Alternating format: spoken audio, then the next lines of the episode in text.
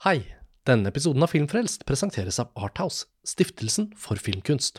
I 30 år har Arthouse reist rundt på filmfestivaler og håndplukket fantastiske filmer fra hele verden, som vi i etterkant får se på kino her hjemme i Norge. For eksempel Bong Yon-hos Parasitt, Celine Siammas Portrett av en kvinne i flammer og Michael Hanekes Amour. Og i fjor sikret Arthouse seg Cleo Barnards Ailey and Ava på filmfestivalen i Cannes. Og denne filmen har kinopremiere over hele landet 11. mars.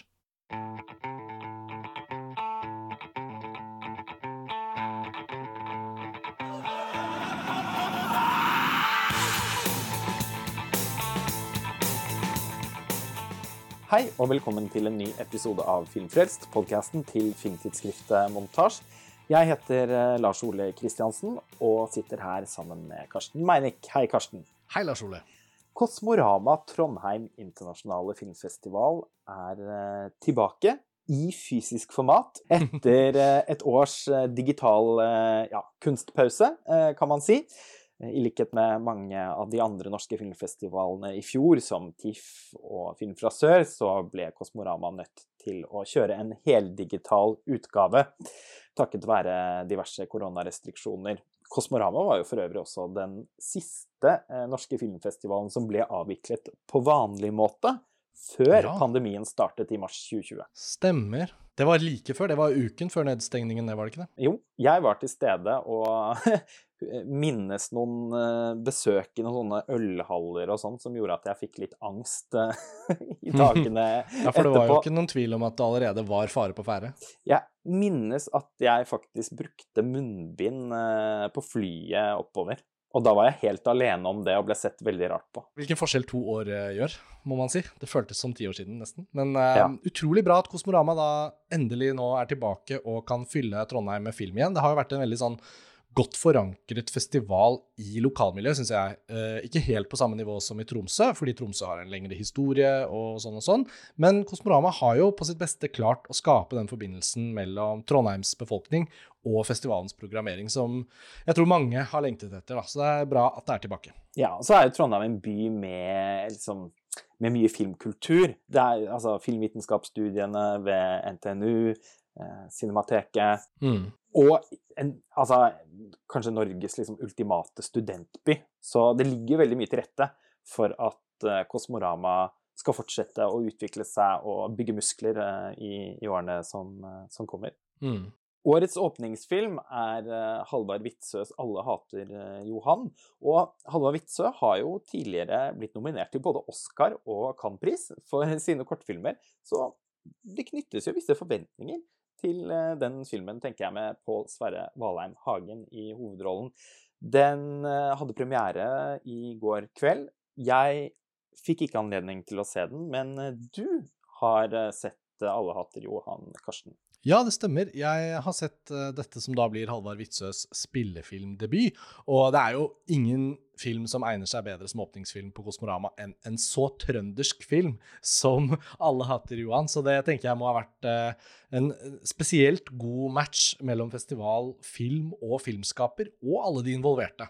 Sånn at eh, filmen skal jo ha eh, landsdekkende premiere nå i 25. mars, så det er ikke så lenge til alle rundt omkring i Norge kan se den. Og jeg må innrømme at dette var en film som virkelig fungerte for meg og sjarmerte meg veldig. Um, jeg skal bare skyte inn kort at Halvard Witzøe var student på Den norske filmskolen på Lillehammer samtidig som meg. Han gikk på regikullet, og jeg gikk på klippekullet. Bare sånn at det er sagt, sånn rent ryddighetsmessig. Men Mm. vi har eh, for så vidt ikke jobbet sammen, og jeg føler jeg har god avstand til det prosjektet, og syns det var en stor glede å kunne sette ord på hvor godt jeg likte filmen. For det er jo klart at en sånn type plakat, eksempel, som denne filmen har, inviterer ikke nødvendigvis min interesse. Jeg syns kanskje noe av markedsføringen her har kanskje signalisert at denne filmen kanskje skal treffe litt bredere og er litt mindre på en måte rikholdig da, enn den egentlig er. Mm. Så jeg vil jo, jeg syns det er veldig hyggelig å kunne bruke anledningen til å kanskje øke lytternes forventninger litt til denne filmen, mer enn hva markedsføringen signaliserer. Fordi denne fortellingen er fylt med så mange veldig skjønne lag av menneskelig innsikt, humor, men også en form for tragikomisk blikk på livet som, som jeg føler mange prøver på, men veldig få lykkes med. Og her syns jeg det lykkes. Jeg syns ikke filmene har hatt mye til felles med hverandre, men man kan si at en film som 'Salmer fra kjøkkenet' til Bent Hamer, den typen lunefull nordisk humor, når det først funker, så er det jo få ting som har større appell i alle lag av befolkningen på en måte. Og dette syns jeg er en sånn type film. Mm. Så jeg vil virkelig tenke at dette er et sikkert kort for også de som ønsker å få med seg noe å både tenke på og føle på etter at filmen er ferdig, og de som rent sånn plastisk i kinosalen ønsker seg en heidundrende på en måte kinoopplevelse. For det er et, et, veldig morsomt premiss her, da, at hovedpersonen Johan, som spilles av Pål Sverre Valheim Hagen i mesteparten av filmen Vi møter han også som barn, så det er et par andre som også spiller han. Han har en stor sans for dynamittgubber og eksplosjoner. Og han eh, em, har to foreldre som er i motstandsbevegelsen. Filmen starter under krigen Mm. og strekker seg mange tiår frem i tid. Sånn at det at filmen også eh, ser litt sånn eh, enkel ut, det er også en misforståelse i forhold til narrativet, fordi den er på en måte veldig episk, da. Og Mm. beveger seg raskt gjennom mange ulike tiår. Og kostymene og sminken og det hele er supergjennomført. Helt til det punktet hvor flere rollefigurer ender opp som eldgamle eh, mot slutten. Så jeg syns um, ja, jeg syns rett og slett filmen har innmari mye å by på, og det syns jeg var litt sånn viktig å få sagt, fordi min magefølelse er at eh, de signalene man kanskje plukker opp uten å vite så mye om filmen, eh, ikke helt speiler det filmen faktisk er. Nei, Det er jo veldig artig å høre. da. Halvard Witzøe er jo en veldig sånn, visuelt orientert filmskaper, og dette høres ut som en fortelling der han kan på en måte få, ja, få brukt sitt talent. da. Ja, det gjør han i virkelig stor grad. Han, han samarbeider jo her med, med flere av de eh, medskaperne som han har jobbet tett med opp gjennom årene på kortfilmer. Altså produsent Elisabeth Kvithyl hos Nordisk Film. Eh, hun produserte jo 'Blindsone', som mange sikkert husker, med Pia Tjelta. En helt annen type film, men fotograf eh, Karl-Erik Brøndbo også, som har jobbet med Vitsø på korte og lange prosjekter før dette, da, har, har også muligheten her til å vise seg frem fra en side som kanskje tar i bruk de aller fremste talentene hans som fotograf. da. Så nei, det er bare rett og slett eh, gledelig, og jeg tror den kommer til å være en film mange blir overrasket over. Vi skal skifte fokus og ja, hva skal vi si? Eh, pakke ranselen og dra på skolen. Ja, To av de fremste filmene som vises på Kosmorama i år, har det til felles at de fremstiller og diskuterer eh, det å gå på skolen. Mm. Ja, nei, jeg syns også det var litt fint at i denne første episoden fra Kosmorama at vi kunne fokusere på akkurat de to filmene du nevner, da. Altså uh, Laura Wandels 'Playground', eller 'Unmon', som den heter. En belgisk spillefilmdebut som hadde sin premiere i fjor i en certain regard i Cannes. Og den tyske dokumentaren til Maria Speth, uh, 'Mr. Bachmann and His Class'. uh, som vi har vært inne på på Filmfrelst for noen uker siden. Den ble også vist på filmfestivalen i Tromsø. Og i vår oppsummerende episode så kom vi litt inn på den. Jeg så den der, på Verdensteatret, sammen med Live Øra Danielsen. Og i den episoden så skyter jo du inn, Lars Ole, at du er veldig nysgjerrig på denne filmen Mm. også lyst til å se den. Og nå som du har sett den da, i forbindelse med Kosmorama, så syns jeg anledningen var veldig god til å returnere til den og kanskje snakke litt mer om den. Og så speiler jo disse to filmene hverandre tematisk, som du sa. Ja, nei, jeg ble veldig nysgjerrig på Mr. Backman uh, and This Class etter å ha uh, egentlig liksom møtt deg og Live etter den visningen, hvor dere var uh, så synlig berørte. Ja, uh, vil kanskje si, og jeg tror Live sier det selv også, at det var kanskje i særlig grad det at hun så den med en nær venninne av seg som satt bortenfor henne på den raden, det forplantet seg en veldig sånn et alvor rundt mange av scenene. Og selv om ikke tårene falt samtidig på alle de samme scenene, så var det noen spesifikke øyeblikk i filmen som grep veldig om hjerterota, og der var jeg eh, Jeg var vel mer rørt enn jeg hadde vært på veldig, veldig lenge. Og jeg ble dypt beveget selv, eh, og, og da på en måte til tross for at jeg bare hadde en helt vanlig dag. Eh, ingen liksom form for festivalfatigue eller noe sånt som har inntruffet eh, ennå. Og de avskrekkende 217 minuttene, de føk innmari raskt av gårde. Og jeg tror at det har å gjøre med den liksom absolutte identifikasjonen med klasseromssituasjonen. Fordi Mm. Eh, vi følger da eh, en klasse ledet av den enestående eh, læreren, klasseforstanderen, eh, Mr. Bachmann. Og det er jo en klasse som består av et stort antall nasjonaliteter, språk, kulturer, eh, sosial bakgrunn eh, osv. Men framfor alt så er det ganske mange ulike personligheter. Og de er jo da fanget mellom barndom og ungdom. De er sånn 12-13-14 år, og, det, og, den alderen der er jo noe de aller fleste tenker tilbake på som ganske komplisert. Eh, man, man, hadde kanskje fortsatt egentlig liksom et behov for å få ut noen, noen følelser eller tanker gjennom lek. Eh, samtidig som man kjente noen sånn snikende sosiale krav om at man nå skulle bli voksen. Eh, og så ender alle opp med å Omtrent akkurat da, på dette tidspunktet her, ikke sant, å være så, så fryktelig forskjellige. Noen har utviklet seg eh, både liksom fysisk eh, og psykisk og intellektuelt i et mye høyere tempo enn andre.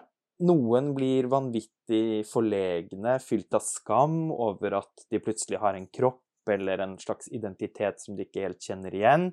Andre strutter av lykke over å liksom få smaken på, på, voksenlivet og kjenne på intense forelskelser og tiltrekninger og Altså, det sosiale eh, spillet blir helt eh, annerledes. Og det er på en måte da eh, den, den, situasjonen som vi får lov til å være med på gjennom da eh, et års tid. Ja, det er en film som gjør voldsomt inntrykk nettopp fordi den i all sin eh, hverdagslighet klarer å, å, gi oss et speilbilde av ting vi på en eller annen måte har levd gjennom og erfart, alle vi som har vært gjennom en, en, en skolegang. Eh, og jeg likte så godt hvordan du ønsket å koble disse to filmene da vi planla hvordan vi skulle strukturere denne episoden, Lars Ole. Fordi den andre filmen, 'Playground', den er jo en sånn skolegårdsfilm. Og de mm. har vi kanskje ikke sett like mange av som klasseromsfilmene. Men eh, det er jo ingen tvil om at identifikasjon er en så utrolig sterk drivkraft inn i en film som dette. Og hvis da, som begge disse filmene gjør, det kunstneriske lykkes med på en måte da transformere det kunstige skillet mellom å være publikummer og være inne i filmen, og klare å skape den, eh, ja, den følelsen av engasjement, da, og at de mm. nesten er en del av den skolegården eller den klassen. Det er, det er, utrolig fint, og det er ikke så ofte de filmene kommer som er på et så høyt nivå. Og jeg tenker for publikum på Kosmorama i år, så er jo også muligheten her til å oppleve begge disse to veldig ulike filmene på det store lerretet, i kinosalens konsentrerte rom, det vil jo tilføre bare enda mer til opplevelsen. Og jeg, jeg tenker jo tilbake på filmer som Å være og ha, Nicolas Filibert, mm. som kom på norske kinoer i 2004. Ja, som skildret uh, et år i en bitte liten sånn landsbyskole i Frankrike. Og, og jeg kan liksom fortsatt huske hvordan han læreren uh, oppfører seg og er med elevene sine i den filmen. Og så har man uh, Laurent Cantés uh, 'Entre les murs', eller 'Klassen', som ble hetende på norsk, som vant Gullpalmen.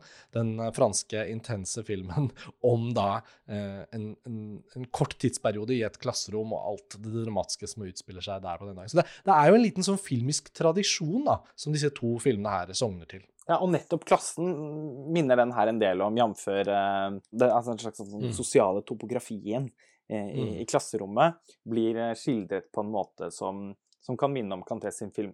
Selv om eh, Maria Spett sin eh, Mr. Bachmann er en dokumentar, da, mens eh, Cantet sin Gullpalmevinner legger seg veldig tett opp mot et dokumentarisk uttrykk, og kan mm. eh, tidvis nesten være til forveksling lik en, en dokumentar.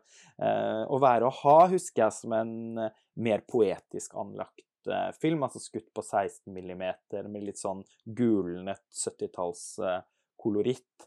Og um, den filmen hadde på en måte ikke noen stilgrep som skulle understreke at den er en observerende eh, dokumentar, sånn som jeg kan huske den. Eh, det har jo eh, Mr. Bachmann. Bildene er eh, veldig sånn omhyggelig komponerte. Eh, stort sett statiske, lange tagninger som forsøker å ikke påkalle noe oppmerksomhet i seg selv, som bare gjør at vi får flyte inn i de små hendelsene som utspiller seg. Og det fungerer jo naturligvis helt utmerket. Jeg tenker egentlig at denne typen dokumentar er den jeg liker aller best. Den som skyver meg så tett på virkeligheten at det lille sløret som fins mellom tilskuer og lerret, eh, forsvinner, da. Og sånn kan jo mm. også fiksjonsfilm fungere, bare så det er sagt. Men Eh, av og til så, så kan jeg bli så, Jeg må også arrestere meg selv her, fordi vet jo at jeg selv ofte sitter og etterlyser dokumentarer som tar flere sjanser rent formmessig. Men i dypest Mm. sett så erfarer jeg igjen og igjen at de som tross alt egentlig gjør mest, eh, i hvert fall emosjonelt inntrykk på meg, eh, gjerne er strengt observerende, som Frederick Wiseman sine filmer, f.eks. Han har jo vært skoledannende for den type dokumentar som Spet lager her. Ja, jeg hadde det på tungen. altså Man kan vel si at dette skriver seg inn i Wiseman-skolen, og så sa du det for meg. fordi det er jo umulig å ikke koble de to filmskaperne når man ser på denne filmen til Spet. da. Hun har jo eh, også bakgrunn fra fiksjon, så det er ikke sånn at hun bare har laget dokumentarer. Men eh, i det å liksom la den hverdagen være nok, da, så syns jeg jo også at det hun gjør som valg, er jo å ikke ta for mange valg som kan komme i veien for materialets kvalitet. Som også er på en måte en risiko å ta, ikke sant? Mm. Men den er mindre synlig fordi du, du, du tar et steg tilbake og tenker at her skal jeg faktisk ikke Eller her skal jeg i hvert fall i veldig liten grad stile eh, kameraet mot det som skjer, eller gjøre grep som innvirker på hva som utspiller seg. Man får et veldig sterkt inntrykk av at det ikke eh, er gjort så veldig mange sånne typer grep her. Men noen av dem kan jo være gjort, og så bare endte opp med å bli helt usynlige. Også. og så tar vi jo filmen for det den er. Og jeg syns herr Bachmann er in his class for alle som har anledning til å se den på en festival nå under Kosmorama eller senere, bør virkelig gripe den anledningen. Da. Det er eh, også en fare for at en film som dette ikke kommer til å dukke opp i så mange andre sammenhenger senere. Kanskje litt pga. spilletiden, så egner den seg dårlig for kommersiell kinodistribusjon. Og selv om det burde vært en opplagt tittel for NRK, f.eks., Mm. å kjøpe inn og gjøre tilgjengelig og i både nettspiller og på TV, eventuelt dele den opp eh, og vise den før etter Kveldsnytt eller noe sånt, da, men jeg, jeg tenker bare um, Det er så sjelden noen lykkes så godt med et sånt type prosjekt, og den har så overførbar effekt på, på alle, alle noenlunde like land, og jeg tenker egentlig alle steder i verden hvor skolegang, selv om det kan se veldig annerledes ut i land som har veldig ulike systemer, så tenker jeg likevel at det grunnleggende her i forholdet mellom en lærer og elevene, det, og det sosiale som du beskrev så fint, det er universelt. Så nei, det er en helt fantastisk film. Og i likhet med å være og ha, er den jo også en hyllest til den gode læreren. Han, Mm. Backman, Bachmann eh, tar egentlig ikke så mye plass, fordi han eh, Han er så lavmælt, og han praktiserer en pedagogikk som eh, Der han f.eks. aldri hever stemmen. Eh, at han forsøker å få elevene sine til å forstå at alt det de gjør, eh, deres arbeid, det gjør de for seg selv, ikke for han. Eh, Han Mm. krever på en måte aldri noe mer av dem enn de er villige til å gi seg selv. Og det får en litt sånn underlig funksjon eh, som, som gir veldig gode resultater, da, fordi at mange av de møter seg selv litt i døren. Og de kan ikke på en måte kjempe imot han med sine former for liksom sånne typiske sanksjoner en elev som er oppgitt og kanskje til og med rasende på en lærer, kan eh, igangsette. Det får ikke noen effekt, da. Da vil han bare bli lei seg og skuffet på vegne av eleven, og forsøke etter beste evne å og, og, og legge til rette for at eh, ja, vedkommende på en måte egentlig bare da kan, kan sitte og vente til året er ferdig. Og det, den rollen er det ingen som vil ha, ikke sant?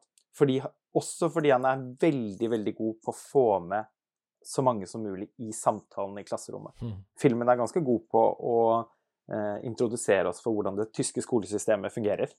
Og karakterene allerede i den alderen her kan være relativt avgjørende for i alle fall eh, deres nærmeste framtid, da. Eh, men eh, han er samtidig liksom befriende lite opptatt av det faglige i, i de seansene vi får, får, får oppleve i filmen. Da. Han, det virker som han mest av alt ønsker å oppdra elevene sine til å, til å bli liksom samvittighetsfulle, empatiske borgere som tar ansvar både for seg selv og, og, og andre. Ja, og um, hvis vi skulle laget en bro videre til Playground, da, til hun Laura Vandel, som er en ny filmskaper, et nytt bekjentskap, så tenker jeg jo at noe av um, det filmene har til felles, om ikke formessig og sånn Dette er jo en fiksjonsfilm, uh, der uh, Spets film er jo en dokumentar, som vi har snakket om nå. Så vil jeg jo si at den umiddelbare følelsen av nærhet til sånn autentisk skolemiljø, den er veldig overlappende her. Og, og man kan på mange måter si at idet vi forlater klasserommet til herr Bachmann, så kommer vi til Vandels skolegård.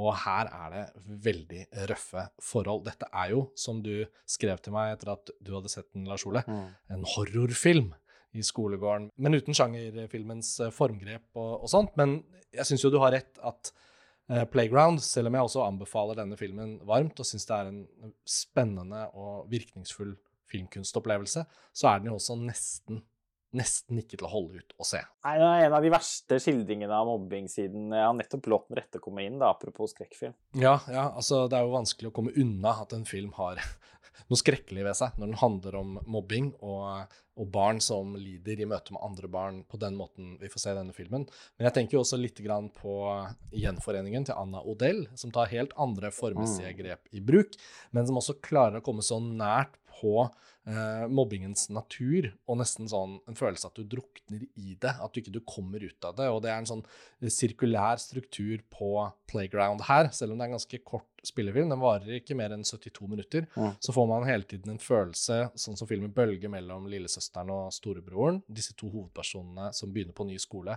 og som da blir utsatt for ulike grader av mobbing på ulike tidspunkt i filmen. Um, virker bare ikke i stand til å komme ut av det. Og den følelsen at du bare er liksom sånn åndedrett, nesten, som mister eh, taket, og til slutt så er det nesten ikke til å holde ut, den blir jo så overført på oss når vi ser filmen. Eh, og jeg syns jo det er vanvittig bra gjort, men jeg kan jo ikke komme unna følelsen av at det var en veldig vanskelig film å måte holde ut, rett og slett. Ja, det er en skrekkfilm for alle foreldre som skal sende barna sine på skolen eh, Altså, for første gang. Det er jo ikke lenge ikke si til det, ja. du skal det, Karsten. Ja, nei, ikke si det. Nei, vi kan ikke gå inn på det, men vi kan snakke om filmen. ja, nei, altså Det er jo da en, eh, en syv år gammel eh, jente som heter Nora, som begynner på skolen der storebroren hennes allerede går. Og hun er liksom full av skrekk idet hun skal eh, driste seg til å, å entre klasserommet og bli kjent med de andre, med, med sine medelever hun syns den situasjonen er veldig vanskelig, og det er det alltid mange barn som gjør. Det er ikke sånn at alle syns det er liksom helt topp eh, å, å begynne på, på, skolen. Og faren har veldig liksom medfølelse for hvorfor hun opplever eh, det som så vanskelig, samtidig som han lener seg på tryggheten ved at storebroren hennes går på skolen og kan passe på henne så eh, får vi se at eh, storebroren egentlig har mer enn nok med seg selv, for han er nemlig skolens eh, verste mobbeoffer, som da blir utsatt for helt forferdelige ting av både jevnaldrende og eldre gutter, som f.eks. å få hodet sitt druknet ned i doskålen hver eneste dag. uff, uff, uff. Ja. Eh, Og søsteren blir jo da vitne til dette her, og får beskjed av han om å ikke gjøre en større sak ut av det, fordi da vil han bli straffet ytterligere. Og sånn sett så havner hun jo da litt sånn mellom barken og veden. Og eh, hun lider jo også selv da under å være hans eh, lillesøster, fordi at eh, han da blir ansett av hennes jevnaldrende også for å være en taper da, i, i, i skolegården. Så dette er jo Mm. bare så fælt som det kan bli. Ja, og rent sånn innholdsmessig så er på en måte det du beskriver nå, det er jo filmen. Det er jo kjernen av filmen. Så sånn sett så er det også viktig å påpeke at dette er jo ikke en film som tar andre avstikkere og setter ting i kontekst med de voksne og sånn. Tvert imot så er veldig mye av det kunstneriske grepet i denne filmen er hva eh, filmskaperen Wandel her gjør med perspektiv og med de visuelle valgene. Og det er jo verdt å snakke litt om, for det er ikke så ofte man ser. altså Det er fotografen her, Fredrik Noir-Om. Han og Wandel har da gått for altså et lavt perspektiv. Kameraet er nesten hele tiden i øyehøyde med Nora, som må jo sies å kunne være en slags hovedperson, eh, fordi hun som regel befinner seg i de scenene, og, og, og broren sklir litt ut av filmen, hvor hun ofte lurer på hvor han er, og, og hvordan det går med han. Den har jo nesten et sånn førstepersonsperspektiv, egentlig. Ja, for jeg skulle til å si, altså i selve linsebruken, da, ned til kameralinsen, så har de holdt seg til en sånn lav dybdeskarphet som gjør at så lenge vi ligger der i det lave perspektivet med Nora, hovedpersonen, da, og til og med når voksne kommer bort til henne, så er det ikke slik at kameraet som regel eh, på en måte At man klipper opp til et bilde av uh, læreren som spør hva er det du holder på med, eller ikke sant. Ofte så blir bare kameraet hos henne, og om læreren blir synlig i bildet, så er det egentlig fordi at de kommer inn i synsfeltet til barna. Da. Og dette perspektivvalget det er så distinkt og så kompromissløst gjennomført fra filmens begynnelse til slutt at det, det, er vanskelig å nevne denne filmen uten å nevne det. da. Og det er jo på den måten Vi snakket jo litt om formgrepet til Spet i dokumentaren om herr Backman. altså Det å på en måte bli helt usynlig og liksom ikke nødvendigvis lene seg frem og ta sånn voldsomt tydelige grep, så er det jo tvert imot det som er gjort her, da. Men at det er det ene grepet som styrer på en måte hele fokuset for hvordan vi skal oppleve filmen. Da. Ja, for her står på en måte den subjektive opplevelsen i, i fokus. Eh, den, mm. Når du nevner eh, ja, nettopp fokusbruken, da, eh, mm. helt bokstavelig, så minner faktisk det også da en god del om en annen film på programmet som heter 'Den blinde mannen som ikke ville se Titanic'. En finsk film om en blind mann som reiser for å møte en kvinne som han ja, som han elsker, og har snakket med på, på telefon over veldig lang tid, men som han aldri har møtt.